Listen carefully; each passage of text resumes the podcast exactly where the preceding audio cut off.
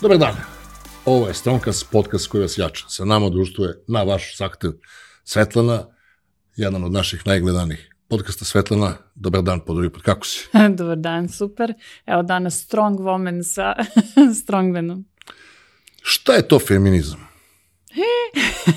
Šalim se, nećemo Da, odatle da ne- krenemo. nećemo, ali- nećemo- ali možemo, I- ovaj- i- Ideja emisije da pričamo o muško-ženskim odnosima, ne bi baš krenuo od najklizavije tačke u Mm. tome. E, šta se to dešava u muško-ženskim odnosima, zašto su muškarci toliko omekšani, e, zašto recimo ljudi ne, ne smeju da priđu i da kažu ćao ja sam ne Bojša, hoću da se upoznam sa vama, nego isti čovjek koji ti šalje poruke kad te vidi prave se te ne vidi, pa kad izađe iz lokala napiše mnogo si lepa. E, da li muškarci nekad su prenavalentni, da li su žene preoštre, da li se žene lažno predstavljaju? Odakle bi ti krenula? Hoćemo da, Da, krenemo? hoćemo da krenemo, da, od toga da pre neki dan ja sam se šokirala kad sam saznala da postoje dva muška pokreta koje su onako, da kažem, pandam feminizmu i to je vrlo interesantno s obzirom na to da ja imam utisak da kako se zaoštrava, da kažem, situacija na svetskoj sceni što se tiče ovih ratova i sukoba, nekako se zaoštrava situacija između polova. I tome dosta doprinose i društvene mreže i tako ti pokreti, pa sad imate na primjer Red Pill pokret koji um, otprilike je to kao da se muškarci osveste i da preuzmu svoju tradicionalnu ulogu u porodici. Otprilike u prevodu da znači, muškarac se vrati na ulogu da bude bo, bog i batina u kući, jel? Mm, Da ne bude cava. Prvo da Pa, sklonimo e- negativno pa da dodamo pozitivno. Ne Bog i batina, nego da bude zaštitnik porodice i da omogući toj porodici da živi. Jer u moj, moje školi mišljenja Mhm. snažan muškarac preuzima obaveze, a slab muškarac traži prava. Tako je, ali e, vidiš u okviru tog pokreta sad postoje različite pristalice, znači široka je lepeza od onih koji upravo to imaju to da ja preuzmem svoju odgovornost, ali takvi uglavnom su na terenu i preuzimaju odgovornost već, jer Tako oni, da, da. oni nisu... Oni se ne pokreću kroz pokrete. E, Da, tako je. Ovaj, I pa sve do onih ekstremista, na primjer, koji su u stilu kao trebaju nama naša prava, treba žene, ne znam, do nekih koji baš proklamuju i nasilje nad ženama. Znači, to je jedan pokret, Red Pill. Do pokreta drugi ovaj je Men Go Their Own Way uh, ili muškarci idu svojim putem, koji um, kao podstiče muškarce da ne ulaze uopšte u trajne zajednice sa ženama, da žene u stvari uskraćuju muškarcima ono što je njihovo osnovno pravo, a to je da raspolažu i njihovim telom, njihovom imovinom, kao što je bilo nekad, ne znam, ja dam miraz, pa neko se useli i to sve preuzme pod svoju kontrolu i tako dalje. Tu vrlo su dva interesantna pokreta, a ono što imam utisak jeste da je svaki od tih pokreta, znači u stvari odgovor na prethodno dešavanje. Znači, u smislu, ne znam, feminizam se izrodio kao odgovor na, ne znam, Šta je definicija feminizma? Kako bi ga ti definisala? Pa, verovatno pokret koji sad tu isto je široka lepeza, znači od onih koji se bore, ne znam, za rodno osetljiv jezik, na primjer do tih koji, koji su, ne znam, za to da sa muškarcima, verovatno i nekih eh, homoseksualaca, do tih koji se bore da sa muškarcima ne treba ulaziti u Feminizam, brak. po definiciji je e, borba za ista prava žena. Međutim, mi, mi smo sada izloženi nečim što pod istom firmom u isti lokal su sedle druge žene koje se ne bore za ista prava, nego za zaoštravanje odnosa između muškaraca i žena, Mm, Da. za mikro, problem, mikro situaciju prave makro problem i veoma često te žene nikad nisu ni u toj situaciji da brane moje telo, kako si malo čas rekla, Moje telo, moje pravila, da. Apsolutno, pa znaš šta, s obzirom na to da su žene dobile pravo da se obrazuju, zaista, mislim kad pogledamo kroz prethodne vekove pa i decenije generalno već naše bake nisu imale jednaka prava kao, kao ovaj, dede, ovaj, dobile su pravo da glasaju, onda s tim trebalo je da imaju i nekakva druga prava, u smislu pravo na zaposlenje. Naprimjer, ja sam Sve se jednom super, da. iznenadila kad sam baš sa, putovala sam u Krakov jednom prilikom povodom nekog projekta, to je bilo pre 10 godina i ako se ne varam bio je to rektor Kragujevačkog ili Niškog univerziteta, ja ne mogu sada da se setim, koji je mrtav Vladan izjavio, kaže, znate šta, ja bi rešio ovu situaciju u društvu ovako. Kaže, žene bi sve bile nezaposlene, a muškarci bi imala, imali dvostruka primanja i na taj način kao oni bi mogli da obezbede, da kažem, porodice, kao, a ženama bi sve to bilo obezbeđeno, ja sam ga gledala onako je, došlo mi da pitam, izvinite Morat ću- gospodine, da Morat ću li... te zaustavim uh, ovako. Žena ima čarovnu biologiju da može da rodi dete. Kada rodiš dete, nisi unela lampu u kuću. Mislim, pre Da. nego što ga rodiš, menjati se psiha, menjati se fizika, menjati se hormonalna st- struktura, pa kad to dete rodi, ti si uh, prvi, prvi put kad dođeš, ti se skroz promeniš Mm. i neko vreme si promenjena, pa onda u mnogim brakovima žene imaju mnogo dece, više od jednog Mhm. deteta, ti imaš dvoje dece, dva sina, i uh, nije, da kažem, lepo očekivati da ti možeš podjednako da doprineseš budžetu porodice, kao, ovo što napravio sam dete i idem na posao.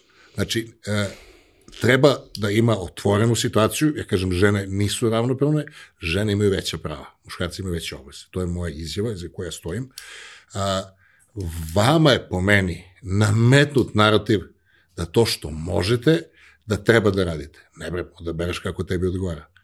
Jer možda bi bilo zgodno da u vreme odgajanja dece, sad e, to što je rekao taj profesor, ja ne znam da li je to sa Niškog ili sa ovog Kragujevačkog, ali e, suština je da su majke neispavane, da mm. mrtva umrna leže u krevetu, ovo skače, nije se uspavalo, ovo eventualno hoće da je zaskoči, mm. mrzi, mislim, da ga ne vidi, onda ustaje prva, spremi njega za posao, spremi dete za odmješte, ide, znaš, odvede detu, ovneš, e, količina obaveza u našem društvu koji ima žena koja rađa je abnormalno velika i Jest. to prolazi kao jedna normalna stvar, jer muškarci su nasledili od uh, očeva i, i dedova da žena radi to, ali je ženi sad dodati jedan čitav, čitava nova dimenzija koja se zove karijera kao must do.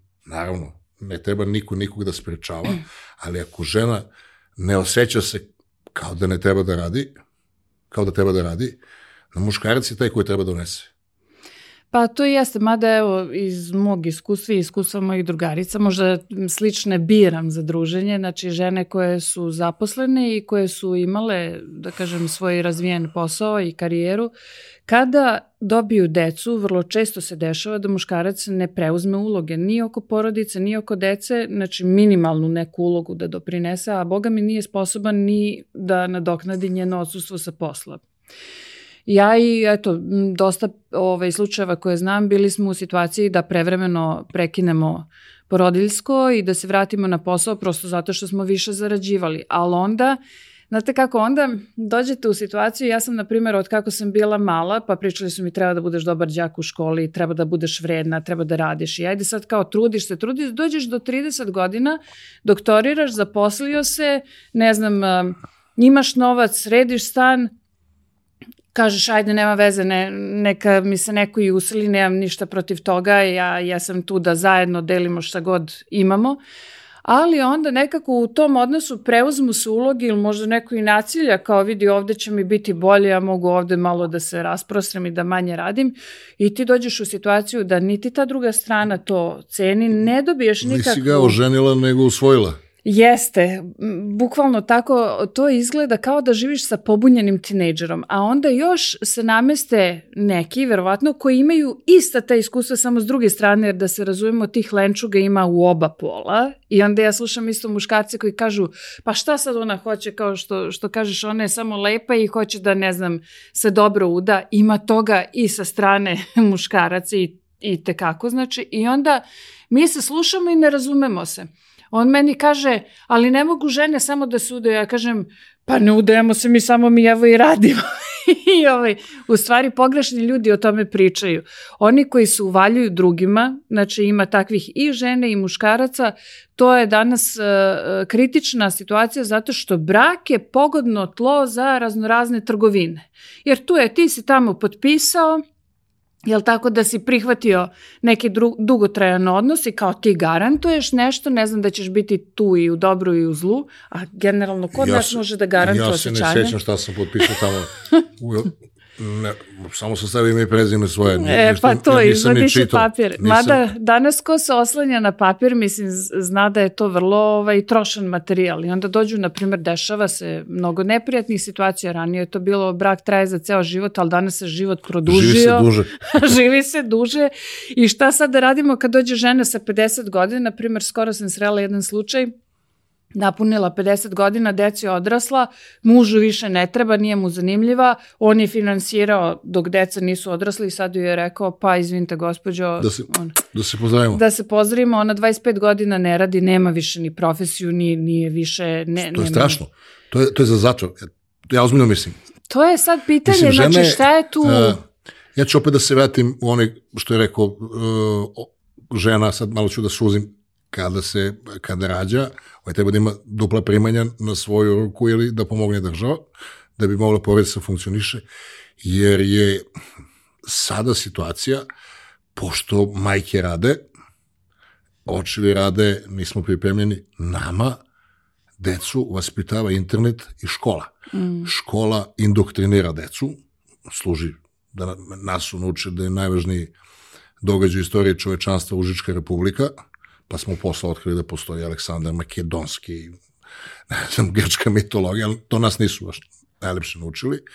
Škola služi da indoktrinira, da, što se kaže na Branjansku Leskoču, da zaubavi decu za određene potrebe, za potrebe industrijske revolucije i te neke pričice koje pričaju, mi imamo vrlo malo utjecaja na decu u- ranoj fazi, Mhm.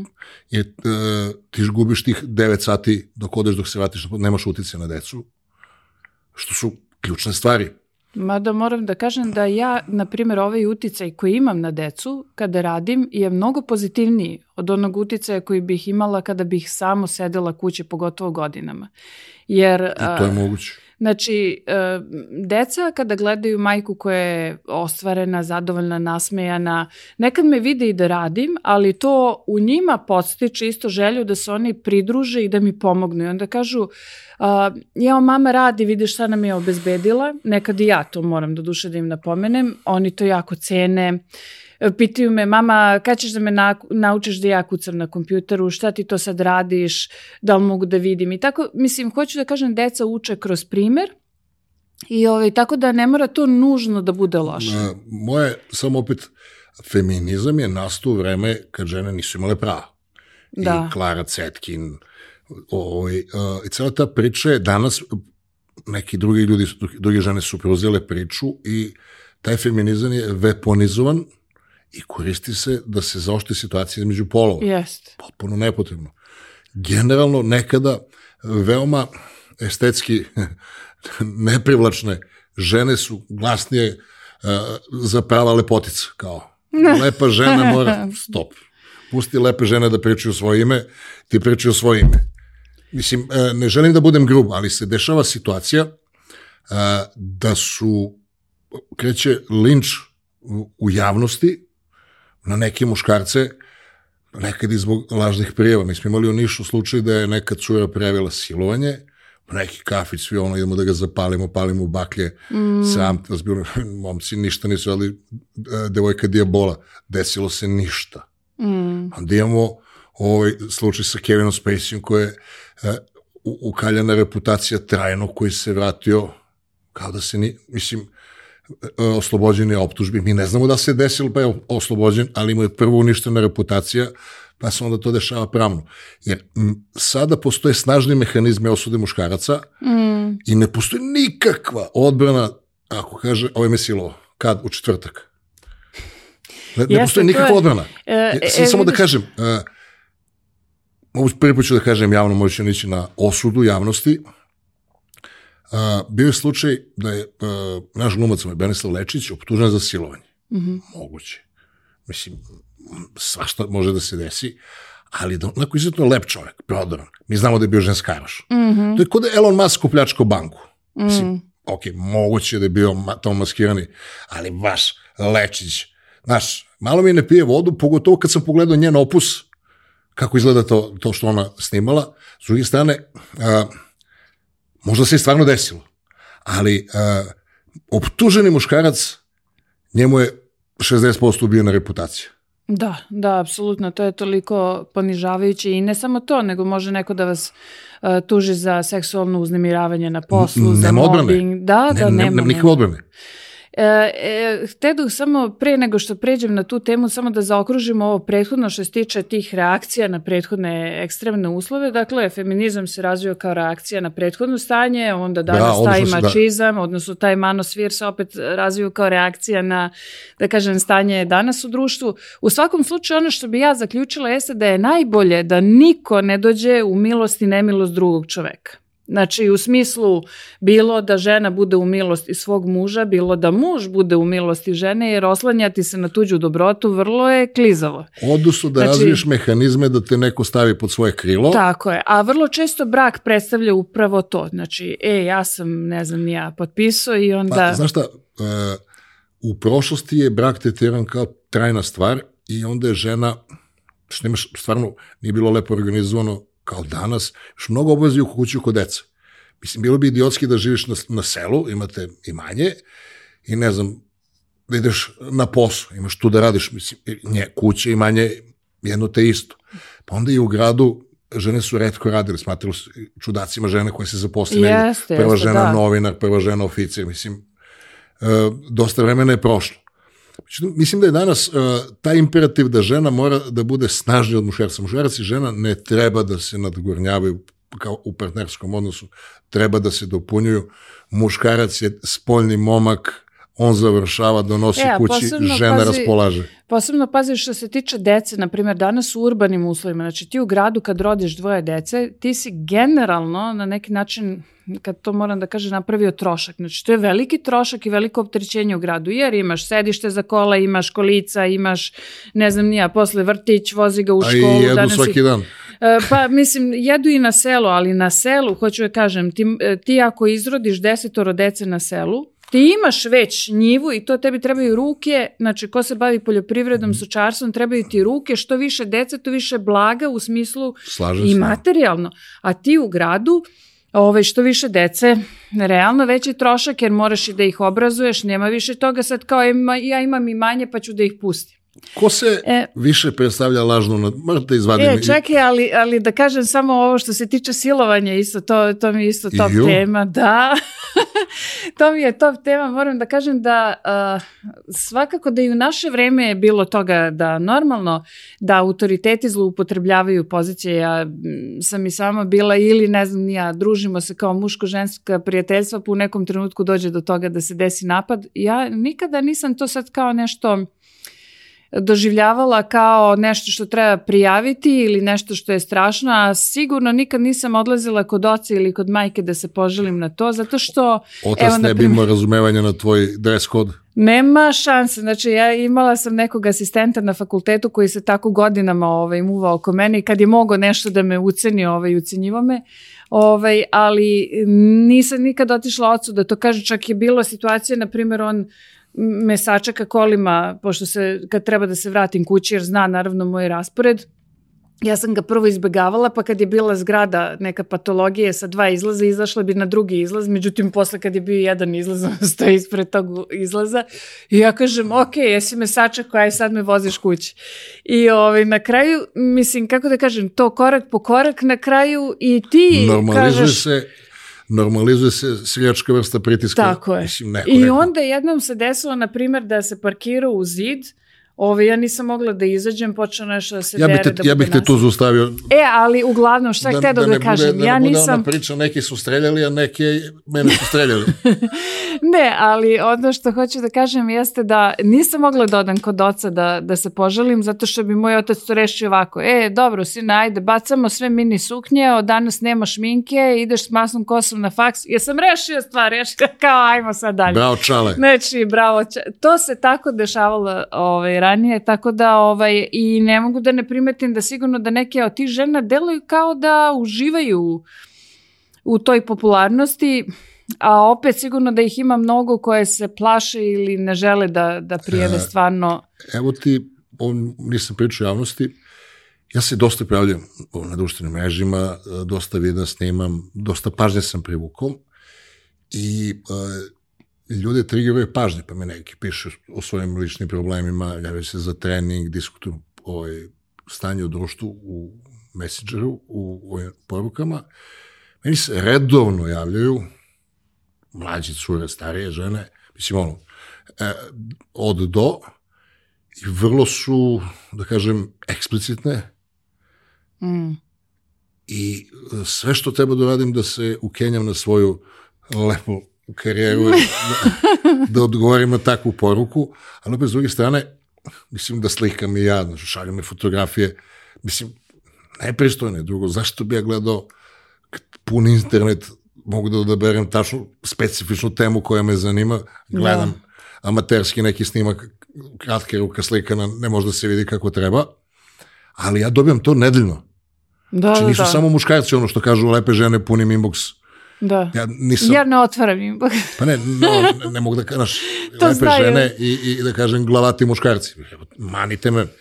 I uh, čudnovato je što ona veruje da, da, da ću ja da reagujem na to.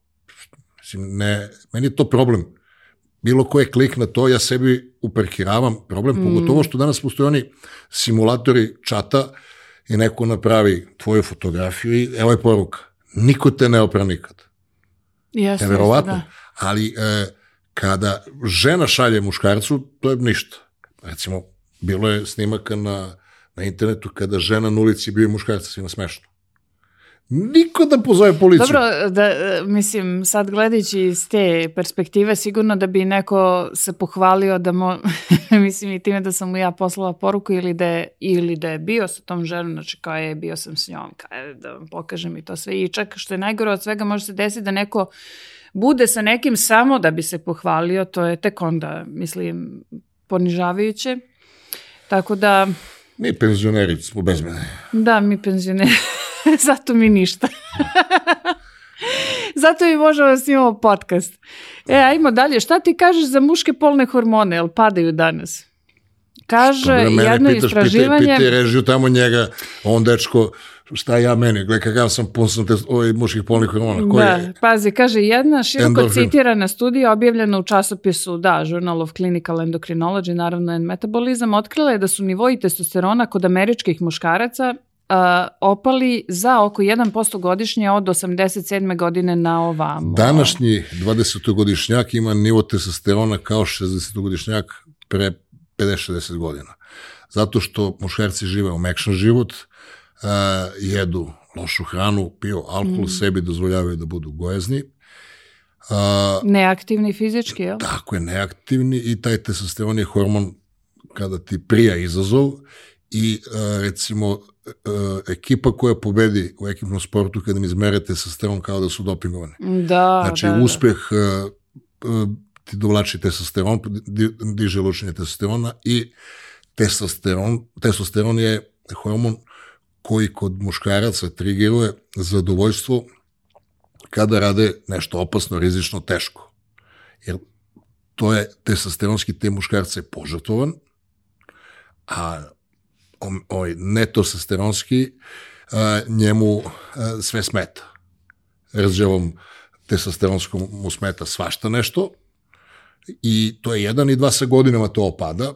Ja sam veliki pristalica hormonske terapije za muškarce. Mhm. Mislim, ne biramo kako ćemo da se rodimo, ali postoji način da se izmeri, postoji nauka koja se time bavi, kod nas to malo nerazvijeno.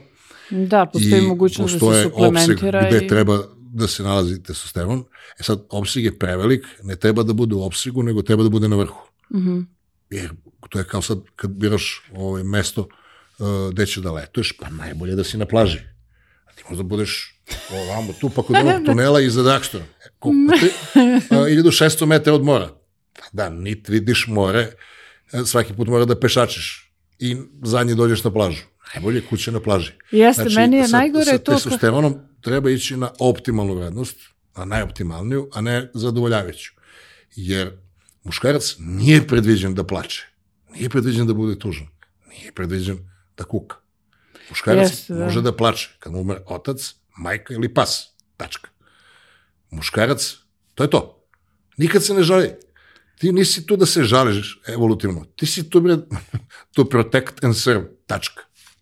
E, štitiš porodicu, doneseš kući, žena raspolaže. Lavu lovi, donese i posle njede. To je uloga muškarca. Ti da se nadmećeš sa ženom. Prvo, problem ovog društva su slabi muškarci. Jer slab muškarac ne, ne štiti svoju porodicu, ne doprinosi i ostaje praznina koju proba njegova supruga da, da nadomesti mm. i e, razni ljudi ili institucije i generalno slabi muškarci oslabe društvo. Meni se dešavalo da, da su me nekad izazivali kao ajde idemo u teretanu da vidimo ko je jači. znači, pritom radilo se o profesionalnim bivšim sportistima. Znači, došlo mi da kažem sram vas bilo, mislim, neverovatno, ali... Pa mene niko, ono što sam, mene niko nikad nije challenge Verujem, da, pa ali, ovaj, kako se zove, ono što, što je stvarno bilo pre, jeste, na primjer, u vreme naših deka i baka, kad su postojale zanatlije, znaš, pa u svakom malom mestu ti imaš, na primjer, obućara, imaš, e, ne znam, frizera, e, bricu, imaš, ne znam, svako je zadužen za nešto i ponosan je na svoj posao, na svoj zanat, pre, predaje ga sledećim generacijama, ponosan je što svi u, ne znam, selu ili tom malom gradiću nose njegove cipele, što je sve ono šiša i tako dalje i onda je svaki čovjek imao razloga ozbiljnog za ponos. Nije bilo ovako slike na internetu da sad se poredimo sa, ne znam, uh, Perom iz New York City-a ili uh, Evgenijem iz Moskve, jednostavno ta Evgenije. konstantna, da, Evgenij, ovaj, ta konstantna poređenja nas čine da se mi u stvari osjećamo lošije i još uz, M, M što im pada testosteron, taj pad testosterona još dodatno doprinosi depresiji, anksioznosti. Mislim, suplementacija ima smisla kod velikog broja muškaraca će im smanjiti anksioznost u kasnijim godinama. U, imi, da- immediately da, smanjuje anksioznost i da. depresivna stanja, jer uh, testosteron je najbolji antidepresiv. Naravno. Dobro, ima tu i drugi stvari, na primjer, evo sad to kad reče oko hormona štitne žlezde, pošto ja već 20 nešto godine imam Hashimoto sindrom i, i uzimam hormone štitne žlezde jer mi je otkazala funkcija. Isto sam gledala, na primjer, u tom opsegu hormona da budem između polovine, znači negde na, na da kažem, tri četvrtine, znači u 75 uh, procenata, na 75%, zato što uh, jednostavno ove niže koncentracije čine da sam uh, sporija, da, da mi je sve teško, upravo to vremenom se razvija depresija, slabost i tako dalje. Tako da, da, apsolutno, to što da je neki opseg... Da nam ne izmigolji za društvene mreže.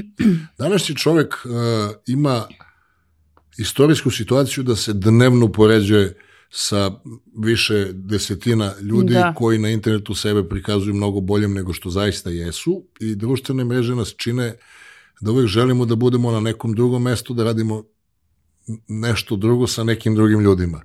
Da nam nikad nije ovo što je sada ovde primarno, evo ta sad ti mm. dopisuješ se s nekim dok si sa mnom u, u studiju. Da im šta je to. nije, nije, samo gledam naš koncept. I... Da. I e, tako da muškarcima je sad jako teško, mlađim muškarcima, da uđu u svet odraslih muškaraca, da kažem, u, to, u tim muško-ženskim odnosima, fabrički se pojavljaju sa manjkom testosterona. Svaka sledeća generacija ima 1% mm. manje, to je jedan. Dva, a, pornografski sadržaj e, nije nastao u edukativne svrhe, nego je nastao u zabavne svrhe, da se zabaviš. Međutim, mlad momak gleda i on misli da to tako treba. Jer kad mm. pogledamo, uh, bacim ponekad pogled, ne pitaj me zašto, kad pogledamo sadašnji pornografski sadržaj i uh, raniji, ovo je postao mnogo akrobatski. Kao kad gledamo, mm. recimo, ko, odbranu u košarci 60. godina, mm. gde su oni nešto šetaju jedan oko druga, ovde ono, mislim, izgleda, današnja košarkaška odbrana u finalu play-offa izgleda kao uh, MMA samo s loptu. Da. Pršti na sve strane lome rebre jedni drugima. Hoću da kažem da omekšan muškarac sa onako relativno uh, skromnijom uh, željom i samopouzdanjem mm. odgleda to što gleda na, na, na porno sati da da, ja, samo da kažem na drugu stranu. Onda upali Instagram gde su žene uh, podi, podigle Prvo, sadašnje žene imaju daleko uh, bolje alate uživo da izgledaju bolje nego moja generacija. Mislim, ono, tako, da. nosi džemper, farmerice i borosane i ceo život tako, ono. Ničim ne, ne odudara ni jedna. Uh, sad se žene oblače kao astredne ličnosti, da idu u tom smeru. Drugo, na tim fotografijama na društvenim mrežama žene se prikazuju boljim nego što jesu. Uh, kad pogledaš, ja znam recimo od moje supruge drugarice i moje poznaće kad pogledaš znam je uživo po pogledam na internetu, znaš ono. I onda počinjem da verujem više internetu, nego možda danas će nije bio dan. e, ali svi se prikazuju boljim nego što A, jesu, zato što taj internet jeste u stvari samo screenshot našeg života. I, i samo da, da zaokružim, još jednim tri point, a, znači gleda ničpor, pa ih vidi na internetu i onda izađe u gradom. Niti sam ja taj, niti ona ta. Ne, znaš, on, uh, on je vidi kao što je zapamtio. Aha. Znaš, on ne uspe da je rasklopi, ona se namontira za grad, znaš, Aha. ona se kući namesti kao oklopnica i, i onda je staveno na kolica preteruje, znaš, tu i stave za šank. A, ajde, uzmemo da nije mnogo, da kažem, uh, različite, noćni život, dim, alkohol, pa... Aha, da, da. Kako be, brate, da priđe? Šta će da kaže? Slušaj, ja, sve to što si videla na internetu, ja isto samo četiri puta slabije, gore i manje i, i imam iskustva nula. E, da, da krenemo od toga. E sad, dolazimo do dela koji e, sam e, čuo negde i ja počinjem da verujem da 10% muškaraca spava sa 70% žena. Odnosno, mm. ima situaciju. Zašto? Jer, e, počnemo sa ženske strane.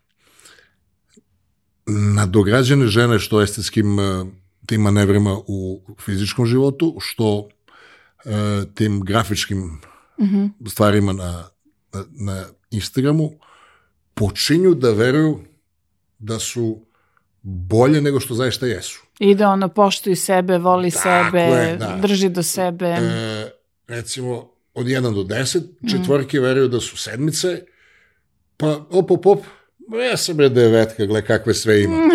Znaš, ona gleda sebe na internetu, ove gleda uživo, a ja sam bolje od ovih. E sad, te e, četvorke, petice, šeste, devetke, one ne gledaju muškarci koji su četvorka, petica, šestica, nego mm. gleda glavnog baju. Gleda baju koja je desetka. I onda kod tako baja... Tako i u životinskom da, carstvu, da. generalno. Za Alfa mužjaci. Tako, za njega I onda uh, ti, uh, te desetke muškarci koji imaju uh, nekakav fizički izgled, uh, društveni status, mm -hmm. zabavni, uh, oni u, u nekom tom rangiranju su visoko, mm -hmm taj socijalni kapacitet, kad njega pitaš, pa vrate, kako je da smojim ribu? Pa šta samo otvoriš Instagram i odabereš. Pa kod mene ne, to ne radi kako mm. treba. I onda imamo situaciju da a, tih, te žene, recimo, provedu deo mladosti, kucajući na vrata tih muškaraca, mm. Nikad ne opštivši sa onim na dole, a kad odluči da se skrasio da bere nekog ko nije, mm. pa mene li će da varao da berem nekog normalnog, I onda taj normalno, eh, mm, ni, znaš, niti duhovi, niti uh, zgodan, ovaj moj, dobar je. I, i onda, znaš, onda uh, ne može da izađe makar malo da nije oštećena uh, emotivno, jer je naporno da se biješ sa koleginicama oko, on ti napadao i sestru i kevu i kom, komšiku mm. i drvo i, i biciklu. Mislim, u, on je u tom modu, priroda mu je to dala, i onda imao, kažem opet, i ovi muškarci koji bi probali, oni ga ne vide. Evo, skloni se, čak i sme. I onda ima taj začarani krug lažnog predstavljanja, nedostatka testosterona, mm. nedosta, nedostatka hrabrosti, i onda ovi momci, oni, niže rangirani i po substvenom priznanju, odgleda Pronić pa izađe u grad i on brige ga. E, a, a, vidiš sad to kad kažeš, mislim, a, e, mnogo je generalno pocenjen značaj toga kakva je ko osoba, zato što mi u tim trajnim zajednicama, to je ono suština, mi na kako Instagramu. Kako je to posećeno? Ko je pa kakva evo, mi na Instagramu, mora, tako mora je. Mora se znači... našalim. Kaže, nije lepa, ali ima dobru dušu, tako? Da. Pa mi ne nosimo rengen ne, kad ne, idemo u grad. Ne, ne, znam to sve, nego pojente e, da na Instagramu i na drugim društvenim mrežama mi kao za CV, kao da apliciraš za posao, sad ti tamo napišeš ne znam šta ti je profesija, iz toga može da se nasluti koliko para imaš, ako ne onda se vidi na slikama i tako dalje. Te pojavne stvari u stvari čine da mi poverujemo da ono što je dobra ambalaža, da unutra je kvalitetan sadržaj. Mislim, zato je marketing prodaje proizvode, upakuješ ga lepo, sad nema vezaš unutra smeća, ako imaš uškavu kesu, sjajnu, lepu mašnicu i to, ti veruješ da unutra takođe dobar sadržaj. Nažalost, kod međuljudskih odnosa, trajnijih, u stvari, mnogo su presudnije neke druge stvari. Zato su ljudi koji deluju onako obično, jednostavno, zapravo u trajnijim zajednicama, a neki ti mačo tipovi ili ne znam super ženske, znači posebno kad se neko osloni samo na to kao evo na primjer ja imam novac, sad bi to trebalo samo po sebi da bude dovoljno da neko kleči predamnom, da to bude izvor moje moći ili ne znam ja imam lepoto, evo sad bi to trebalo, treba sve da, svi da padnu na kolena zato što sam ja lepa. Znači i nije potrebno uopšte da se bavi i vrlo često te žene u mladosti, na primjer, evo sad uzeću primjer za žene, ali isto važe s obe strane, znači potpuno, ovaj, Jednostavno, ako previše rano postanu lepi i predmet obožavanja okolina, onda ih i mama i tata više vole. Moje slatko, simpatično dete, ovo drugo je pa, onako. ovo drugo je Milan. Ovo drugo, da, ovaj, pa ne, ja znam par porodica tako sa tim, na primjer su bile ovaj, sestre i tako, pa jedna prednjač ili su bile braća, pa jedan je lepši, obožavaniji i tako dalje. I onda jednostavno ta deca nemaju potrebu da rade uopšte na razvijanju drugih nekih sposobnosti. Nemaju, a mi svi generalno, znaš, nije lako ni ovako kad upoznaš čoveka da kažeš kakav je, a kamoli prema, mislim, slici na Instagramu. Mislim, nema šanse, znači, što bi rekao. From, jednostavno, ljudi uh, loši... ne, mislim From. From where? Erich From. From Erich. Ovaj, uh, ljudi koji su zli i ljudi koji su dobri izgledaju potpuno isto. Hitler je za neke žene bio izuzetno galantan džentlmen i samo su ga takvog znali, ali Eva Braun je znala da je tiran 38. godine, ličnost godine uh, New York Timesa i 39. godine predlažem za Nobelovu nagradu za mir. Et. Uvaženi slikar iz Austrije. Da, da, da, uvaženi slikar. Da, da. Da, do duše, Da, ne znam za ta nagrađivanja, ali da, upravo From je detaljno opisao ovaj, njegov život i kažem to, ljudi su ga znali uh, potpuno drugačije u zavisnosti od toga kakav je bio njihov stalež, kako ih je upoznao, koliko su bliski bili sa oni, najbliži njemu su znali zapravo. Gledaj Time evo ga, Hitler, man of the year, mm. da ne bude čelavi laže. da, znači, da, da. Uh, Time, ovo nije New York Times, nego uh, Time je proglasio Hitlera za ličnost godine, 38. godine. Tada se nije videlo šta se dešava ovaj, nadalje. Samo ću proverim to, da sam e, lepo zapamtio. Šta misliš, ovaj, ja sam skoro pričala sa drugaricama, na primjer, da li je mizoginija, na primjer, koja je vrlo česta danas kod muškaraca, uh, u Čih, stvari da, posljedica da, da latentne da, homoseksualnosti? Da se, da se, da se ovaj, prepitamo, mizogenije, šta? Mizoginija mržnja prema ženama. Aha, mizoginija. Čisto da... Da, da razjasnimo. Dakle, to su muškarci koji mrze žene. Misliš, osjećaju aha. prezir prema ženama. I, na primer, ovaj, vrlo često Neka nesigurnost možda, e, probao pa je bio ranjen, probao pa je bio ranjen i onda se okruži sa, znaš kako ide, alfa mužjak u društvu pacu, on oplođuje sve žene, mm -hmm. jer njegov je zadatak to, najveći, najpametniji, najdeblji, jer u životinskom svetu je uspešnost da možda nađeš hranu. Da.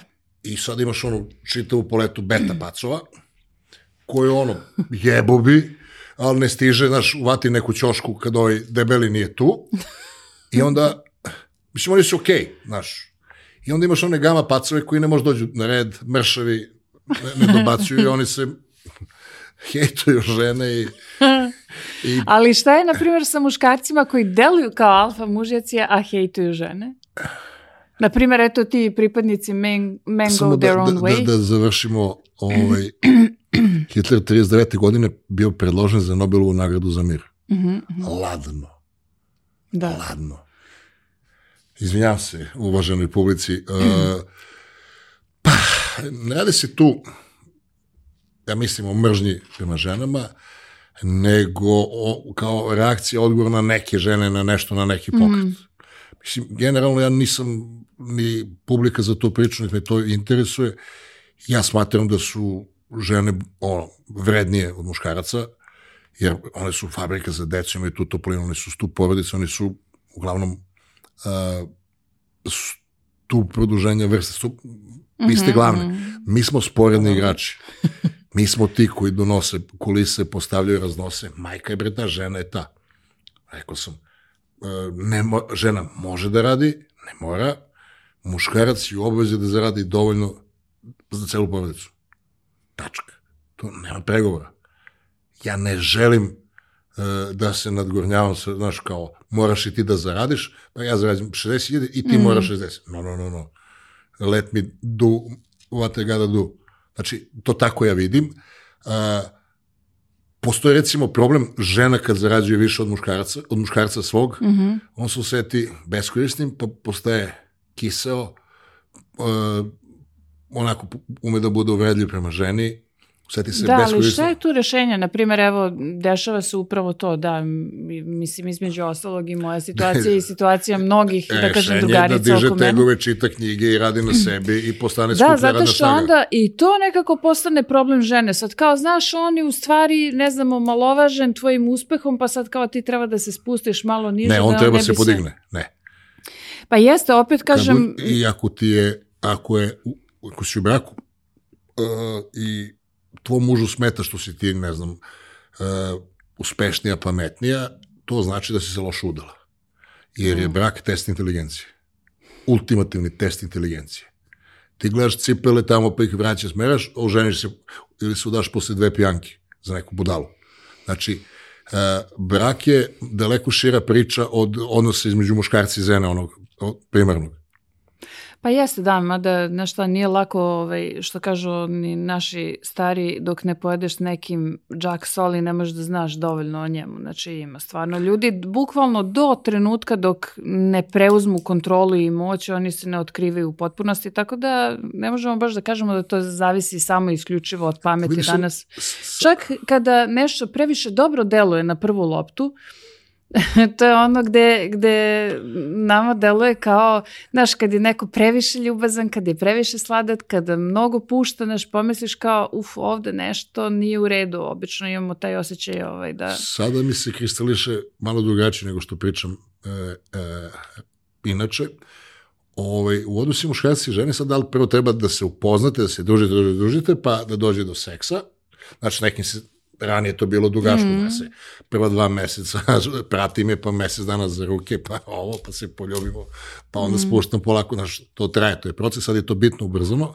E sad, da li treba prvo nekog upoznati, pa onda leći s njim u krevet, ili prvo da imamo kakvi smo u krevetu, pa nema potrebe da idemo za nadalje. A Mm. ovaj, taj neki test ko je kakav uh, za, ne znam, o dugoročnoj vezu je prvo da li je taj muško-ženski odnos Mm, dobar, dovoljno dobar, nadahnut, znaš da li to kako treba, jer ako se razlikuju seksualni kapaciteti muškarci i žene, ozbiljan problem. Znaš, neko ne može se zipuje na, ne znam, jednom u, u toliko vremena, neko baš ga briga ili E, ne to može. jeste, ali vidiš, problem je u tome što ti, ako odmah stupiš u seksualni Što odnos, ja, upravo ja ne ti... spu- stupam odmah. Ne, ja mislim nikad, ovako, da. Ja sam to kačio na klin kad sam... kada ljudi odmah stupaju u seksualne odnose, e, pogotovo danas za, za te koji gledaju porniće, onda to se doživljava kao ženu, doživljavaju kao objekat. Jednostavno, uopšte ne stignu da razviju dovoljno ni interesovanja za nju kao osobu, ni empatije, sad. ni naš... Pa jeste, to je realno problem. I onda posle toga šta se dešava, na primjer, posle toga mesec dana se ne javi, posle me, ja znam hiljadu jedan slučaj takav, znači to je Ajde ono na broj 90 svih hiljadu. Da, to je 90% današnjih muško-ženskih tih problematičnih odnosa. Znači da kada se nešto desi, posle toga on se mesec dana ne javlja, posle mesec dana se javi ponovo, kao evo, Kad- on bi u stvari Kad se da... zaboravi da se izbrukao, pa i probamo ponovo. Koji ti beše? Ja sam... Onaj, znaš onaj, da, da, da. Ja. Da, to je kao, e, da izbrišemo onaj- onaj prvi utisak, sad ćemo krenemo ne, iz onaj što početka. te sve boleo posle mene. Šta, pa što sam se naslonio slučajno tu. Ovo, znači, prva stvar je, a, po meni, da je seks okej. Druga stvar je da možete staviti namešta iz Ikeje zajedno da se ne pobijete. da, da. I treća stvar, da odete na put ovaj, e, Da se ne nemate, šta? da, ali da nemate ništa organizovano napred. Sletiš, Oh. tražite taksi, dođete u grad, ajmo hotel, ajmo gde ćemo da jedemo, 7 dana i to je otprilike to. sastavili ste one fiokari iz Ikeje, nema mrtvih i ranjenih, seks je okej, Znaš, uh, E, ali to kad kažeš ovaj, što se tiče tog putovanja da i bezbednosti, ja sam imala tako jednog momka, Grka, koga sam stvarno obožavala, ali je bio blesav katastrofa. Znači, gde god se pomerim s njim, to je bio rizik po život. I mislim, ispostavilo se u stvari, kad mi je pričao kasnije, on je oženio jednu Grkinju, kako se ona s njim provodila, stvarno je bila stalno u životnoj opasnosti. On je, na primer, pošto je žive u Londonu i sad nađemo se mi u Grčkoj, priča čovjek preko telefona, hvata me za ruku, prelazim u ulicu, pritom potpuno zaboravlja da u Londonu su, mislim, saobraćaju u suprotnom smeru. Rekao, čekaj, gde si ono krenuo? Ne, samo što me nije podmetnuo pod kola. Drugi put vozimo mi motor, on zaobilazi kamion moje koleno, znači pošto je ovaj, više izbačeno od njegovog je prošlo na ovoliko od auta i suprotne i suprotnog smera. Ja kažem, reko, sad sam mogla da ostanem bez kolena. Kaže on, ali ceca, pa jesi videla onaj dim iz kamiona? Mi nismo mogli da se gušimo. I tad sam odlučila definitivno da nema, dobro, nije to bila jedina stvar, iako sam kod njega mnoge stvari volela, između ostalog to što su Grci tako, tako saradljivi i što je njegova porodica bila harmonična i što su svi bili ovaj, jako povezani, to mi se mnogo dopadalo, ali nažalost nisam mogla da živim u Londonu puno magle, ipak ja sam žena za malo toplije krajeve i temperamentnije ovaj, ambijent, tako da eto, ali verujem, e, svoju ženu je, možeš misliti, ovo odveo na, na bračno putovanje, ovaj, sam ga je organizovao u Maroku, žena završila na infuziju, ono, otrovala se, jedva preživala. Posle toga pričao mi za godinu dana braka, odveo je na skakanje padobranom rekao, brate, što mi je lepo što nisam na njeno mesto, ona svaka je čast. Znači, Grk je potencijalni samoubica. Znači, e, to, to kad si rekao kao treba otići s nekim na putovanje, da, re, realno da, moraš da vidiš i to. E, a reci mi, da li mogu žene i muškarci da imaju jednak užitak pri neobaveznim odnosima? Sad to kad smo... Pa ja to ne mogu da kažem, ovaj, uh, ono, first, kako se kaže, onaj first person, onaj point of view, uh, mislim da neobavezni odnosi su samo za ljude koji ne umeju da se nose s obvezom. Jer odnos se gradi, mm -hmm. a ti, ono, postaviš pa kao anuliramo brojač pa idemo ponovo.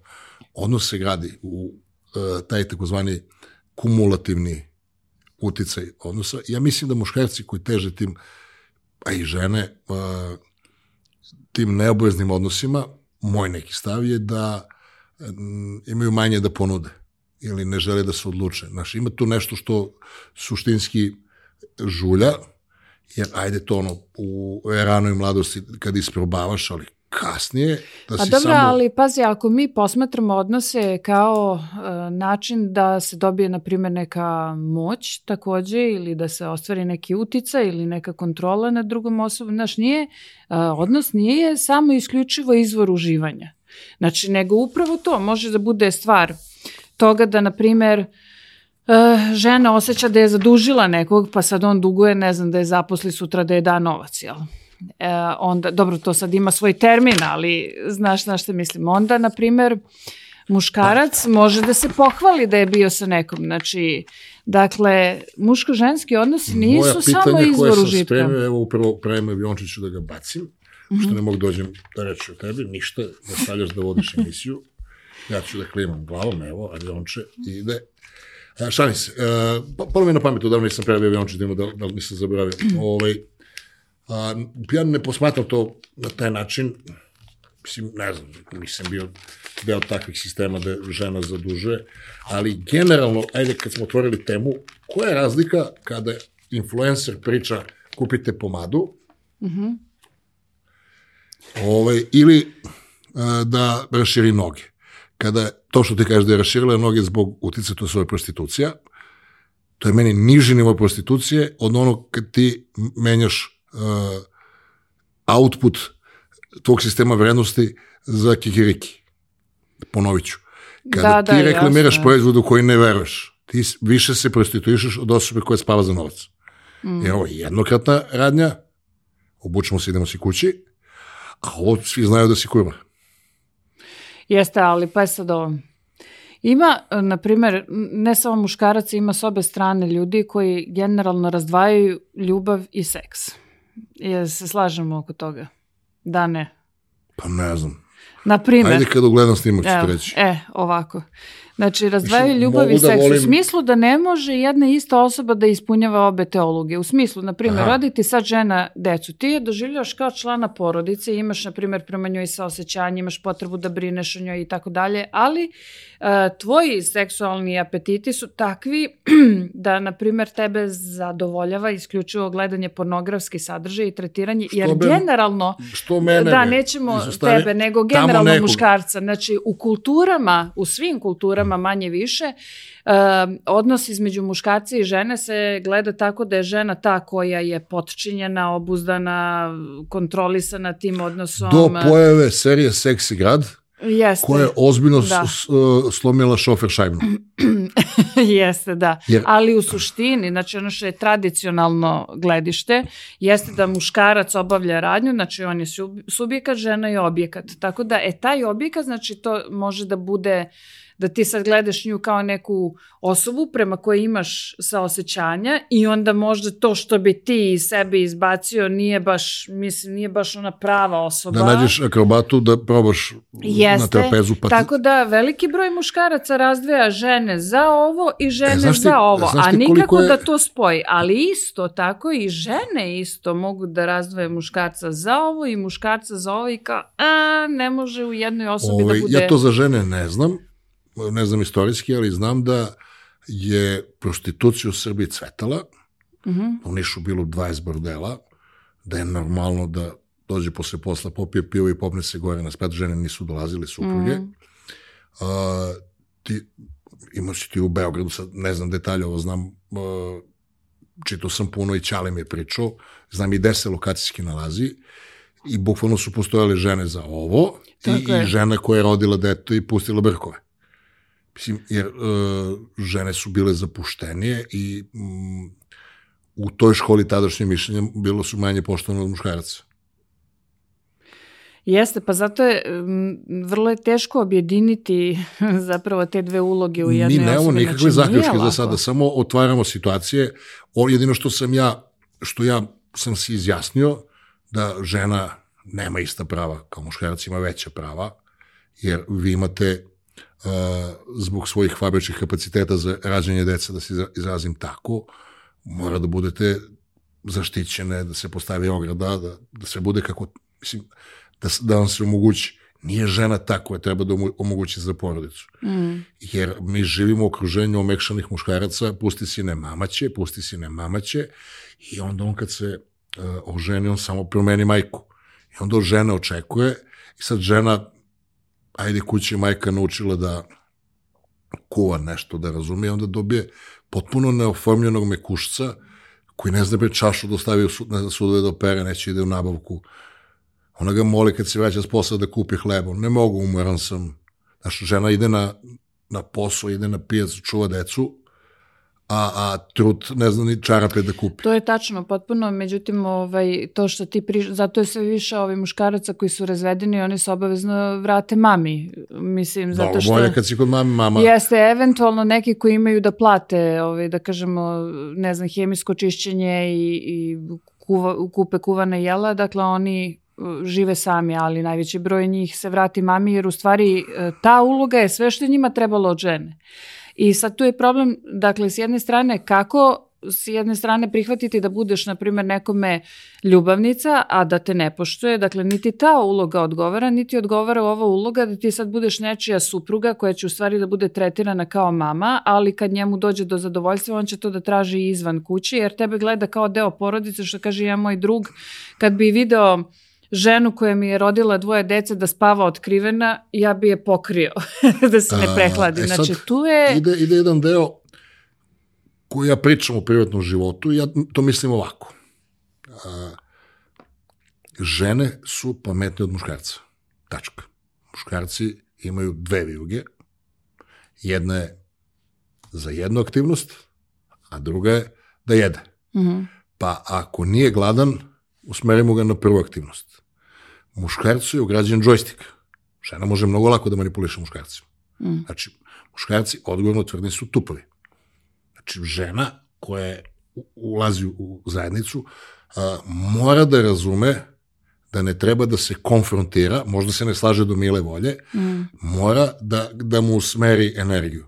Jer ti kada mu kažeš ne, neću, on to doživljava kao napad. Kaže, da, naravno, ali radimo kako ja kažem prvo. On kaže, okej. Okay. Jer to muškarac, ne, mm. to, ona razume slaganje, a ona e, ne razume šta sam tela, nema veze, radit ćemo kao što ona kaže, pa ćemo posle a, ne treba da se takmiče, mi imamo taj zaštitnič, kad te neko pogleda ti moje reaguješ, znaš, to je taj mm. džilit efekat, kad se pogledaju u oči dve životinje i muškarcu se to izmešuje osjećanje, znači kažem da je glup, tvrdim, ima vijugu za da spava sa ženom i da jede. Ako je ovo mehanik, a, žena ima softver da bude majka, čim se porodiš ti znaš da si majka, on ne zna da je otac. On samo ne može da spava sa ženom, ima neko ko se dere u kući. I onda ti muškarci izlaze na ulicu e, nezadovoljenih potreba i postaju e, žrtve razmene seksualnih dobara. Mm. Zato što su glupi, ne razmišljajući, ne razumiju da je koncept braka zapravo takav da moraš malo i da staneš na loptu. Mm. Jer biologija u muškarcu je da bude serijski entreprener. Znači, ako neka polo alfa napravi na jedno mesto dete, napravi na drugo, ne, to mu je biološka uloga.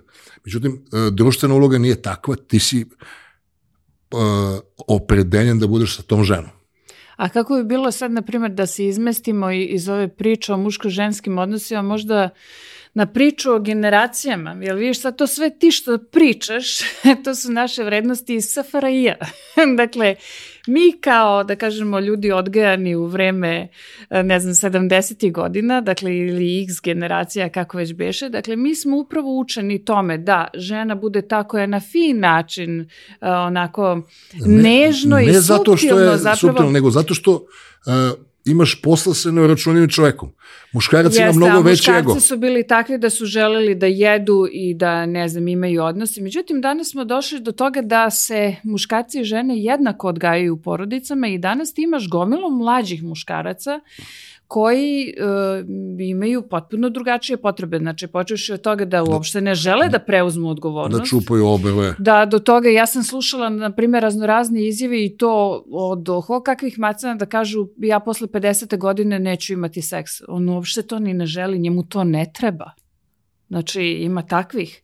Um, Da, naravno čupa obrve, igre, igrice po ceo dan, znači ima neko minimalno zadovoljstvo od tih nekih stvari, tako da uopšte, znači, i na primjer isto ovo stvari sad koje, o kojima smo pričali sad, uh, ranije u naše vreme mi smo učeni tome da budemo dobri drugovi, znači stalno smo pevali one pesmice, moraš da budeš dobar drug, moraš da pomogneš svom drugu, ja sam mislila tad da su to glupe pesmice, u stvari sam onda videla umeđu vremenu koji je u stvari značaj uh, toga što nas indoktriniraju na taj način da smo mi stvarno izrasli bili u ljude za koje je bila sramota. Te, na primer, ne znam, moju drugaricu neko zezne neki momak, ta priča se raširi po školi, to nije sramota za nju, nego za njega. Više nijedna devojka njega neće da gleda. Ne daj Bože da ti dogovoriš sastanak, na primjer, pa se ne pojaviš ili da otkažeš u zadnji čas, automatski od tada postaješ mislim, obeleženi, gledaju te kao lažova, nepouzdanog čoveka. To je bilo sramota biti. Danas je sasvim normalno da se ti jedan dan ponašaš na jedan način i onda, na primjer, prekineš s nekim kontakt i odnos, prekineš vezu, na primjer, bez objašnjenja, na primjer, kao ovaj, to je čak popularno i to vi love coachevi preporučuju kao ghosting, kao samo nestani, kao kad čovek, jer valjda kao kad čovjek umre iz punog zdravlja, to je ta teorija, onda je veća žal za njim, kao, kao i kad, ne znam, kvalitetnu vezu odjednom kao presečeš, pa to, ne znam, nastu, napravi neki šok kod žrtve. Ja mislim, mislim, iskreno mi kao generacija iz tog SFRJ... Pun, pun idiota, baš, je to Ali to je, da, najveći broj tih love coacheva danas to preporučuje kao no contact rule. Ja mislim, da, da, kao generacije, mi kao generacije iz SFRJ na to reagujemo... Na to sve debile. kao doviđenje. Znači da ja, ovaj, da završim ovo što sam hteo da kažem, uh -huh. a, ako želiš, mislim, žena ulazi u brak, uh -huh. a, muškarac dugač, duže ima premiju, muškarci su premiju 40 i 50 godina, međutim, žena kad pređe 30, nije ista ta evaluacija kad izađe u grad. Znaš, muška, tako je, nažalost, ne izgledaš, ti imaš muškarce koji su u punoj snazi i na ulici u svojoj glavi sa 50 nešto godina, ali jako je teško da dobaciš do toga sa 50, mislim, e, nisu zainteresovani toliko za nju. To je tako. Mm -hmm. I e, ženima kraći taj e, vremenski okvir kada može da isfunkcioniše, da, da začne brak porodicu i po meni e, mora da zna da usvaja maminog razmaženog sina, najčešće. Mm. I mora oprezno sa njim, ne zato, mislim, iz poštovanja, nego e, moraš da budeš operativno lukav, Znači, prvo pravilo je da mu se ne suprostaviš direktno, ne radiš ti šta hoćeš, ali mu ne kažeš ne. Kao kada se mm. pregovara sa ter teroristima, ne govoriš ne. Druga stvar je, pošto sam rekao da ima samo dve vijuge muškarac za da, da jede i da spava sa ovim, a, ne bi trebalo da dozvoliš sebi taj luksuz da ga zainteresovano za seks pustiš na ulicu. Mm -hmm. Napravit će neko sranje. Zato što njemu slika braka to će tek za 10-15 godina i kajaće se. Pa jeste, nego ti ja kažem što nema danas takvih zainteresovanih koji izlaze I, na ulicu. Znači, to je problem. Aha, razumijem. E, to je, to je, znači, to što ti pričaš, to je bilo za to, 50 plus, 40 plus, tako dalje. Znači, se, ovi omekšani što nemaju ni, ni ovaj akumulator, ni gorivo. E, o tome pričam. Znači, tako da ta pravila, upravo to ti kaže, znači ta pravila koje su važile za nas, jer nama je bilo važno, u stvari kako ja to vidim, mi smo odgajani u porodicama gde je vaspitavanje bilo surovo. I mi smo gledali da što pre svi pobegnemo iz tih porodica i da nađemo izvor ljubavi negde drugde, pa su nam emotivne veze, drugarstva i to sve bilo mnogo važno. A ti danas imaš, na primjer, odrasle tinejdžere sa od 30 plus godina, kojima je kod mame i tate lepo, oni tamo, zapravo oni tamo dobiju ljubav i tamo su kao, kao kućni ljubimci, paženi, maženi, kojima se ne izlazi napolje, jer oni kad izađu napolje u realan svet, oni će tamo dobiti pravu evaluaciju i kao, jo, vraćaj se u gnezdo, znaš. Kad tako sam da... uzao stan najstarijem sinu, Joco, evo, dobro. Nedelju dve, evo, nameštaj sve spremno, dobro. Mm. Joco, internet, evo, dobro mesec i po dana i oca ono. I mi mu razdrkamo sobu da nema da je da spava. Pa da, bukvalno. Da si nešto godina ima. Ništa on spava u dnevnoj sobi. Pa ne, a znaš situacije, na primjer, ne znam, moje tetke su se udale tako što su bežale od svog oca ne, i majke. Nećeš ide. I od sebe, evo. pa to ti kažem. Jedan nekoliko meseci prazan stan stoji, pun namešte, on što ti kaže, se, se stan. Normalno. I onda on Nije on jedini, ja znam još takvih primjer. Može da živi sam i kao, sve super. A što si mi dao ovaj ključ? Pa to ti je poštansko sanduče. Pa ko će meni piše? Pa sin ima dobri ljudi koji pišu svakog meseca. Ali on nije razumao. I prođe neko vreme, recimo te četiri meseca, ja sam prepaidao i struju i internet, znaš, o nekoliko meseci da... Nisi on, ovaj, i nešto ga pokupio, ajde me uziš do pošte, što? Pa da platim, šta da platiš? Račun, što? Pa isključujem, što bre? Pa isključuju kad, pa kad si platio u životu. I onda je tako jedna bolna lekcija za njega kad nema internet. Moj Jovan je kao penzionerče, vata onaj popust 5%, kad stigne, on prvi, pustite mene da platim, znaš, sve, znaš, da bije platu. On, pa, pa, pa, isplaća račune. I uh, sad sam uzao, prisjeli smo se u veliku kuću, ga pitam, hoćeš s nama? Ali to je korak nazad, znači sazove, živi sam, mm. sam sprema. Ja sam teo, znaš, pošaljem neku da mu čisti stan, da bude, ne, ne, kaže, niko ne može detaljnije od mene da očisti. E pa to je, znači to je razlika između, ja znam nekoliko slučajeva gde upravo to ti odrasli, da kažem tinejdžeri, čak su im roditelji kupili stanove, neće bre da sisali njemu neće. lepo, neće, ovaj, ne pada mu na pamet. Da, ali kod njega da... se pojavila i transformacija fizička, uh, kada je živo sa nama onako nije trenirao, bio baš mrškost. A, sad se preselio, živi sam i dodao je 15 kila mišićne mase. Mm.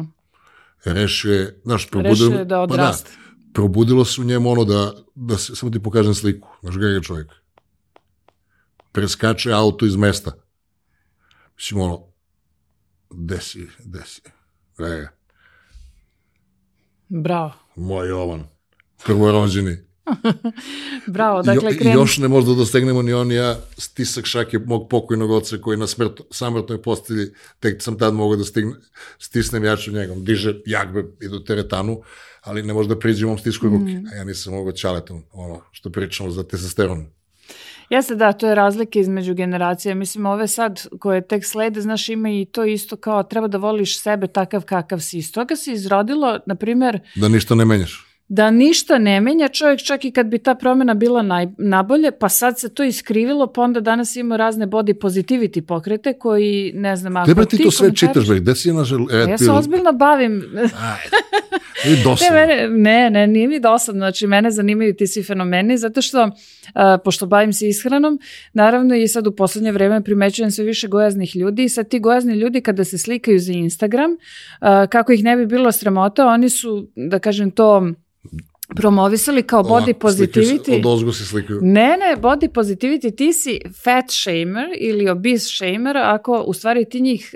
Uh, ti, ti sebe sramotiš ako, na primjer, ih gledaš čudno, oni se osjećaju stalno napadnuto i u stvari time što oni ponosno pokazuju svoje veliko telo, oni smatraju da u stvari drže do sebe, da, da pokazuju da sami sebe poštuju, da sami sve, sebe vole. Sve takvi... svoje metaboličke bolesti su sami osvojili. da, e, ovaj, sad bi vam rekli sram te bilo, ali hoću da kažem to je... i policistički jajnike sada dobijaju to je, na primjer, u stvari loš primjer toga kako ljudi iskrive. Dakle, svako dobro, e, šta znači voleti sebe onakav kakav jesi, ako ne znam, devojka je riđa pa ima pegice, treba da neguje svoju autentičnost i posebnost. Ako ne znam, ima široke kukove, može da vežba da to bude lepo, dakle da ima latino izgled. Znači ti neguješ svoju autentičnost i posebnost. Mi, nažalost, nasuprot tome, sad smo počeli svi da ličimo jedni na druge što ove, ja gledam, na primjer, ove mlađe generacije, ranije bilo, ono, pogledaš kroz hodnik pa vidiš plava, na svoj način lepa, crnka, visoka, onako rasna. Kako se zove ta boja? Um, malina. Nikad nisi vidio malinu te boje. Da. Jel ima maline te boje? Pa ima kako nema. Treba da odeš u Aleksandrovac, tamo su organske malinove boje. Pa da. Dakle, da, da, da. Tako da ovaj, svaka je negovala svoju autentičnost i na poseban način, znači, zato što ti u stvari ne možeš se za, zaljubiš u plastičnu lutku, Je li no, tako? Što sve liče jedna na drugo, imamo i nultog pacijenta, pa si samo... Ono, tako je, uh, nultog kad pacijenta. Kad voli jest. samog sebe, izađe mi neki tip na, recimo, na Instagramu i kaže, probajte, ne znam, mesec dana da kada ustanete, aj tuširam se ladnom vodom, ovaj, mogu ti kažem da savladao sam to tuširanje ladnom vodom lakše nego što sam očekivao. Uh, čak i kad odemo na kuponik, na, na stavu mm. planinu, gde je ono dva stepena voda, e, mogu da se tuširam. Ne radujem se dok se tuširam. Znam, ali posle, da. Drama. Drama, ali e, kao što ne pijem više kafu sa šećerom, tako ne mogu da, da se tuširam toplom vodom više. Gotovo. Jasno, jasno. Ne mogu. Ove, I kaže tip e, da perete zube levom rukom, 25 dubokih udaha i da kažete sebi 10 puta volim te. I, mm. i ja ono perem zube i tuširam se i ono, volim te pa mi smešno je, pa ja se već volim, znaš, prvo sam, ne mogu da dobacim do 10, da se kaže, gledaj su gledali, govori sebi, ja kažem, Mičko, volim te, ono, Mičko.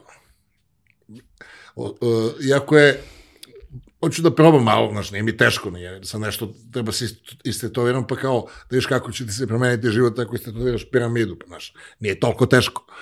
Ovo, I nisam mogao, smešno mi bilo, a ukapiram kad, pošto sam, o, o, ja dok sam igrao košarku, igrao sam na relativno visokom nivou, ništa nisam imao levom rukom, kad perem desnom rukom imam pokret, a levom rukom sam mrdam glavu. Ništa ne mogu mu radim, znaš, ne mogu, isteram oko, pa se ja držim i... Voli samog sebe i peri zube levom rukom. Ima električna četkica za to. Evo, vidiš, ja sam čitala jednu knjigu, zove se Alan de Botton. Fantastičan je ovaj autor. A, znam ja sve ljubavi... Alan de Botton. Ovaj, ja sam očekivala da će da napiše knjigu u kojoj ajde da kažem, je masakrirao taj pojam ljubavi i tako, pošto ima malo cinične neke komentare. Uglavnom, u toj knjizi radi se o jednoj dužoj vezi, sad muškarac i žena su u vezi i ženu ljubav polako napušta. I on primećuje da ona više nije toliko zainteresovana za njega i sad komentariše, kaže, Znaš, kaže, ja sam e, posle, ne znam, tih par godina veze, kako je ona krenula da bude stalno nervozna i neprijatna prema meni, ja sam je stalno podilazio, ja sam je sve činio, na svako njeno ne, sledilo je moje da, kaže, i sad ključna rečenica, kaže on, i tako sam postao odvratan. Znaš, u stvari, šta je poenta? Ti, zašto ljudi ne vole previše fine ljude? Pa zato što im to deluje neuverljivo. Zašto ne možeš ti da prihvatiš, na primjer, ne sad ti, ajde ti voliš sebe, pa onda to možda nije ni trebalo da se kaže, ali kad nekom kažeš voli sebe takav kakav jesi, a on zna da on sebe ne može takvog da voli.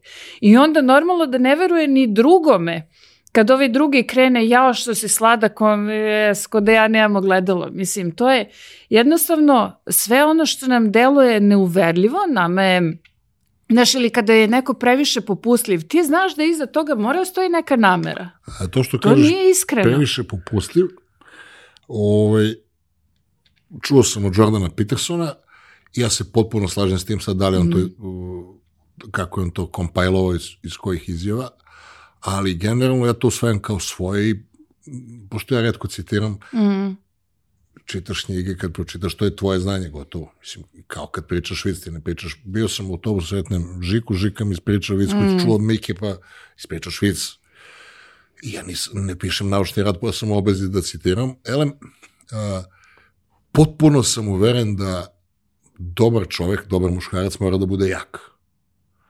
Znači da bude čvrst, opasan i da se dobrovoljno svede mm. Na, mm. na da bude servis za porodicu i za okruženje. Jer ako si bezopasan, ti samo možeš da budeš servis. Znaš, ne znamo da li je to tvoja volja ili nije. Ti treba da imaš opcije Aha.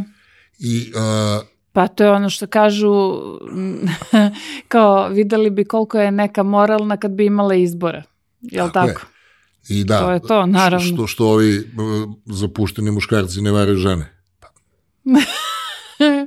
Pa. nekada se čak namerno desi da se ljudi, ovaj, da kažemo, zapuste da ne bi došli u iskušenje. Nekada se dešava da, na primjer, muškarci insistiraju na tome, znaš, ja, kad radiš sa ženama koje treba da smršaju, A onda vidiš da postoji otpor okoline, ja sam se toga posebno dotakla u ovoj svojoj knjizi Ako je hrana vaš porok, zato što mislim da je to vrlo važno. Ti kad imaš otpor okoline, na primjer drugarica koja ti ne da da smršaš, jer će da bude vidno to koliko ona na sebi nije radila, ili muž koji ti ne da da smršaš, da ti slučajno ne bi onda imala širi opseg bolje, opcija, bolje jel, da, neke bolje ponude. Tako da, Da, naravno. Generalno kad se desi problem, ja se trudim da reagujem na donjem nivou svoje agresije mislim, nisam ima nešto preterano agresivno, ali relativno umem da napravim problem ako treba da napravim problem, ali se uvek trudim, znaš, popusti, popusti, popusti. Ovde jednom, dva put, godinu, dve, tri, kad ustanem, malo sam, ne zu, ono, odgovara mi bilo koji epilog i da pobedimo i da izgubimo, samo da napravim što veći problem svima koji su učestvovali u problemu koji nisam imao dok nisu počeli da prave problem. Znači, pa znaš kako to narod kaže, daj nekom moć pa ćeš da vidiš kakav je. To je upravo to, znači tek kad čovjek dobije priliku i kad dobije moć, on u stvari potpuno može da... Ali sam generalno prema porodici jako mek.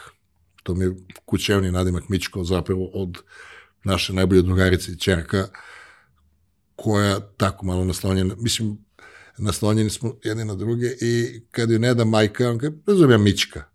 Ja, vidiš, na primjer, ja verujem da dobri ljudi su najbolji prema svojim bližnjima, a oprezni su prema okolini. Neću da kažem loši, ali su oprezni prema okolini. A loši ljudi su najgori prema svojim bližnjima, a znaju da se zaglade za okolinu. Tako da, na primjer, gledala sam skoro neki ove, intervju sa masovnim ubicom uh, iz Amerike. A, a zajedno ste bili? Ne, ne, nismo bili zajedno, gledala sam samo intervju, a, a ovaj, ne, ne, ne. A, priča je takođe posle toga i psiholog koji je radio sa njim. Dakle, on je neverovatno bio izuzetno visoko obrazovan, kvalifikovan, savršeno radio posao. Žena ko je njegova jednostavno nije verovala do poslednjeg trenutka, dok on nije priznao sve žrtve, maltene na kraju su, ja mislim, izvršili smrtnu kaznu nad njim, znači dok nije se desio taj poslednji trenutak da je sam priznao, ona nije mogla da prihvati i da veruje, znači koliko je bio sklon, naravno ta žena se tek kasno zakačila za njega, tek kada je bio u zatvoru, mislim, zato kaže nije bila bliska. Znači oni koji, ga, koji su ga ovaj, da kažem, dobro znali, oni su znali kakav je, oni su ga se klonili, ali jednostavno znali su s posla, u stvari e, kako su ga provalili, tako što je njegova koleginica koja je tesno sarađivala sa njim prva posumnjala na njega. Znači, tako da na poslu vas znaju dobro, kod kuće vas znaju dobro, a ovi što vas upoznaju kasnije, to mislim... Kada je bio slučaj o, onog malčanskog berbena, ne znam kako je bio, I javi se jedna moja bivša radnica iz teretane. Što malo smo se razišli onako, oko disciplinskog neko prekršaja je bilo. Kao, može se vidimo. Šta, pa ne mogu preko telefona. Šta ima se, gleda, mislim. I kaže, znate šta ja mislim da je to ovaj moj. šta je s tom informacijom? Znaš, serijski ubica. A stvarno bio taj... Pa nije, ali u, geografski se uklapa. Aha. I ona kaže psihološki profil. Zabavljao s njim godinama. Pa rekao, prijavi ga policiju, pa kaže, ne smem. Pa što meni pričaš? Šta se tebe kažem, rekla mi? da, da. Da. Znaš, čudna informacija. Nemam unactionable, nemam šta da radim. Ne, poenta je da, uh, naš, za svakoga, to, to i jeste ono što nas drži u nekim lošim odnosima. Uh, najlakše je kad je neko crn ili beo i ljudi obično zamišljaju da sad kao taj masovni ubica treba da izgleda kao neki monstrum. Mnogi od njih su prilično harizmatični. Ti kad ih pogledaš na prvi pogled, naš, uopšte ne bi rekao da zapravo to zlo može da izađe iz njih. Naš, u tome jeste jednostavno loš čovek izgleda isto kao dobar. A zašto žene biraju problematične tipove? I zašto se nadi da će ona da ga ispravi? Ja mislim da to, da, prvo ne biraju to sve žene, da se razumemo. Mm, Jel ne. tako? Mogu da te demantujem uh, i bit će ti milo da čuješ tu informaciju. Uh, ti znaš da inženjeri nisu baš u, kako da kažem, mi programeri, nismo to, ne shvatamo... Ono, socijalna, emotivna inteligencija. Ta, da, e, a, grupa ovih inženjera iz Google-a je izvukla podatak šta googlaju žene, šta muškarci Aha. kad idu na, na porno sajtove. Dobro. To je već malo neetički Jeste. da izvučeš pa da objaviš. Da. Ali anyway, kad su već objavili, i sad muškarci su jednostavni. Ovaj deo tela, ovaj deo tela, Aha. ova boja kože, ova funkcija životna, znaš, to muškarci googlaju. Znaš, gledaju, ovi infantilni gledaju ovde, ovi Dobro, ne slažem se, ajde dalje. Mi ostali gledamo... Da, da, zreli, da. I, da, gledamo... E, dobro i? Da, možda rodi. Ove, žene a, gledaju zlikovce. Zli, hirurg, Aha. ubica, a, vuk, vampir. Znaš, prvih pet, mm. pet od pet, nije ono crnac, magarac, nešto, A. nego nije na plaži, nije, i uopšte nije, nije interesovalo nežno. Aha. Nego da bude opasno, da je taj neki, taj lepotica i zver mm. uh, koncept, a da ga ona, evo samo prema meni je dobar, ali ekstremno opasan, uh, mm. sve će da vas pobije. I sad ono kad izašao, ne znaš šta da radi, znaš, ne, neprijatna istina. Žene u intimnim trenucima googlaju, uh, tada je bio onaj Wolverine, znači uh, Vukodlak, uh, onda vampir, pa ne znam, taj mm. zli hirurg, Stvarno, vidiš da su maštovite, to brije, to je neki... Prvo, to je malo po meni, kada ideš na taj sajt gde, gde gledaš druge ljude kako imaju seks, pa da gledaš seks, a, a nije ti e, psihološki profil bitan. Tako da to meni onako informacija sa kojom ne znam šta da radim. Mm. Pa znaš šta, ja koliko znam iz svog slučaja i, i od, ovaj, da kažem, par mojih prijateljica, ono što sam ja primetila jeste da kada u osnovnoj porodici, obično tako psiholozi to i objašnjavaju, u primarnoj porodici imaš nerazreš, nerazrešene odnose u smislu, na primer, ne znam, uh, ceo život se trudiš da se dodvoriš svojim roditeljima, da im ugodiš, da konačno dobiješ ono bravo, sine, volim te i tako dalje I onda dođe trenutak, ne znam, kad si sve uradio što ti je padalo na pamet, ali nisi uspeo, da u stvari ti se nadaš da ćeš kroz muško-ženske odnose, time što ćeš nekoga da preobratiš, da rešiš svoju životnu misiju i time pokažeš da je to moguće. Sad svako ko misli da je to glupost, ja kažem eto iz ovaj, pratići razno razne psihologe i, i mislim čitajući na tu temu, mislim i sobstvenog iskustva to je negde problematično. Ja kad sam razrešila to da, na primer, rođena majka ne, ne mora da me voli i prihvata takvu kakva jesam, ako se njoj ne sviđam, to ne znači da ja ne vredim. To, kad sam konačno, jer ja sam morala da dam sve što sam ja smatrala da, sam misl, da, da treba da bi ona mene prihvatila, u smislu da budem ne znam, super obrazovana, da imam dvoje dece, evo mama, jel ti se sad sviđam, evo sad imam skladan brak, evo vidi kako sam sredila kuću, evo, evo ma, vidi mama, evo mama kako mi ovo dobro evo ide. Evo mama, terala sam muža. E, ne, to je bilo posla, ali i onda kada je ona na kraju meni jednom prilikom stavila kao zamerku, ovaj, da kažem nešto što ja smatram svojim velikim kvalitetom, a to je ono moje hrišćansko razumevanje, tog momenta ja sam sebe oslobodila odgovornosti da se njoj više ikada uh, dopadnem i umilim i mogu da kažem da od tog momenta su se razrešili mnogi moji muško-ženski odnosi. Znači, odnosi u kojima sam ja pokušavala da nađem nekoga ko me ne prihvata i da ga, da kažem uslovno rečeno, izlečim, da mu... Da zaubaviš, što kažemo mi na jugu. Kaže, najinteresantniji deo uh, ove studije je najvjerojatnija analiza da tipičan ženski, tipične ženske pornografske fantazije. Znači, ceo taj sada, našao sam članak, uh, inženjeri, ovi inženjeri iz Google su mm -hmm, našli mm -hmm. da je jedan uh, specifičan tip uh, pornografskog uratka je izuzetno popularan kod žena. Mlada, atraktivna žena naiđe na muškarca koji je uh, opasan na neki način. Mm.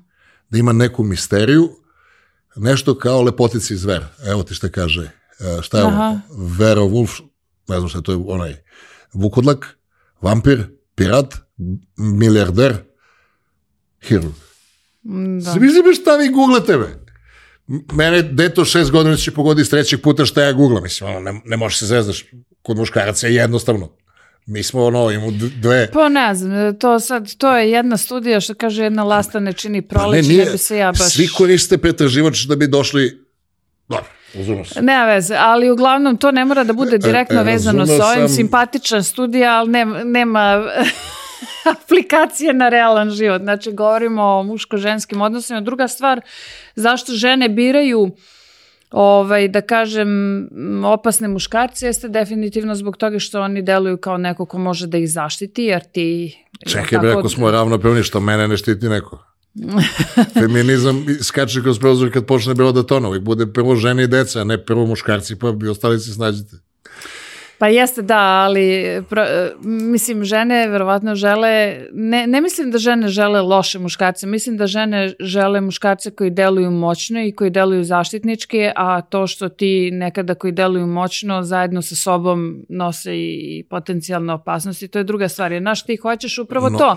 Kako ide ta bajka o lepotici zveri? Znači lepotica je našla zver, ali ta zver je na kraju nju zavolela, jel da? I bila nežna prema, da. e pa, znači Znači, hoće nekog strašnog pored sebe, jer muškarac nosi oružje, ona ne može da zna kako ja sad nosim uh, ovaj... Uh, Uh, oružje za pojasom, mislim ne bi bilo u redu, nego jednostavno u sebe nosim govori tiho i nosi I to je bila naša životinju sa sobom. Naša popelično smislena, možda i ne diskusija o muško-ženskim odnosima u kojoj se nismo preterano ovaj, prekidali međusobno i često smo bili čak u dijalogu, a ne samo u dva monologa. Kako ste vi, uvažena Svetlana, zadovoljni današnjim razgovorom? Pa ima sto jedna stvar ovaj, koju bismo mogli još da dotaknemo, ali prosto mimo ileze nam se fokusi zato što, znaš, sad ja sam ono kao ovaj, žena koja gleda iz svog ugla, ti muškarac, zato je, naravno zato predstavnik to... svoje generacije, tako da... Da, ja sam predstavnik generacije tvoga oca i muškarac Sam je rekao. Da, i... Um, Nisam ja toliko mlada, nego sam bolje održavana jednostavno, evo, čisto da vam kažem PRP i tako, ovaj, Morpheus laser, odlična stvar. Dobro. A, ideja je moja svojim podcastom da pričam nešto što može nekog da ojača, neko ko sluša da možda čuje aha, ja se slažem s ovim ili nisam razmišljao na taj način ili ove korisna informacija. I ja sam, rekao sam to prošli put, pratio sam, počeo da mi iskače tvoj Facebook, jako su ti dobri tekstovi, jako, sam, jako mi je milo što si se odazvali sad po drugi put mom pozivu. I tako ja bi ostavio otvoreno da možemo povremeno da osvetimo neke teme, a da ne davimo sa tim našim temama baš preterano i uvek o ishrani i metaboličkom Normalno. zdravlju i navikama. Zahvaljam ti se na gostovanju. Ako imaš nešto da kažeš, napiši u komentaru. Eto, ja bih isto volila da, da, da ljudi ovaj, komentarišu ovo, zato što zanimljivo mi je to ovaj, kakav je njihov pogled na stvari, s obzirom na to da sam čitala, uvek odem u sekcije komentari, znači čitala sam dosta komentare to kada su u pitanju ti love coachevi i tako, ali uglavnom stranaca. Sad da vidim koliko je to sad globalizacija danas preuzela svoje, odnosno Kod koliko... nas je glavni life coach evo ras i ona Zorica, kako se zove, ona iz Farmana, slične boje Kosova. Da i gledaci, to je bila uvažena Svetlana, moj omiljeni gost i gost novih televizija. Pričali smo o muško-ženskim odnosima. Ostavite komentar kako vam se dopala emisija. Da vas podsjetim, YouTube obožava komentari i to mu je glavni kriterijum da li će neki video biti vidljiv. Ako ste došli do ove tačke, to znači da vam se da vam je video držao pažnju, pa bilo bi lepo da se učipite kažem, sa komentarom. Ukoliko ne pratite, zapratite Milan Strongman TV. Uvaženu profesorku Svetlanu možete da nađete na Facebook stranici. Na Svet... Instagramu isto Lola iz Kola. Svetlana Stanišić. Zahvaljujem se. Do gledanja i do slušanja.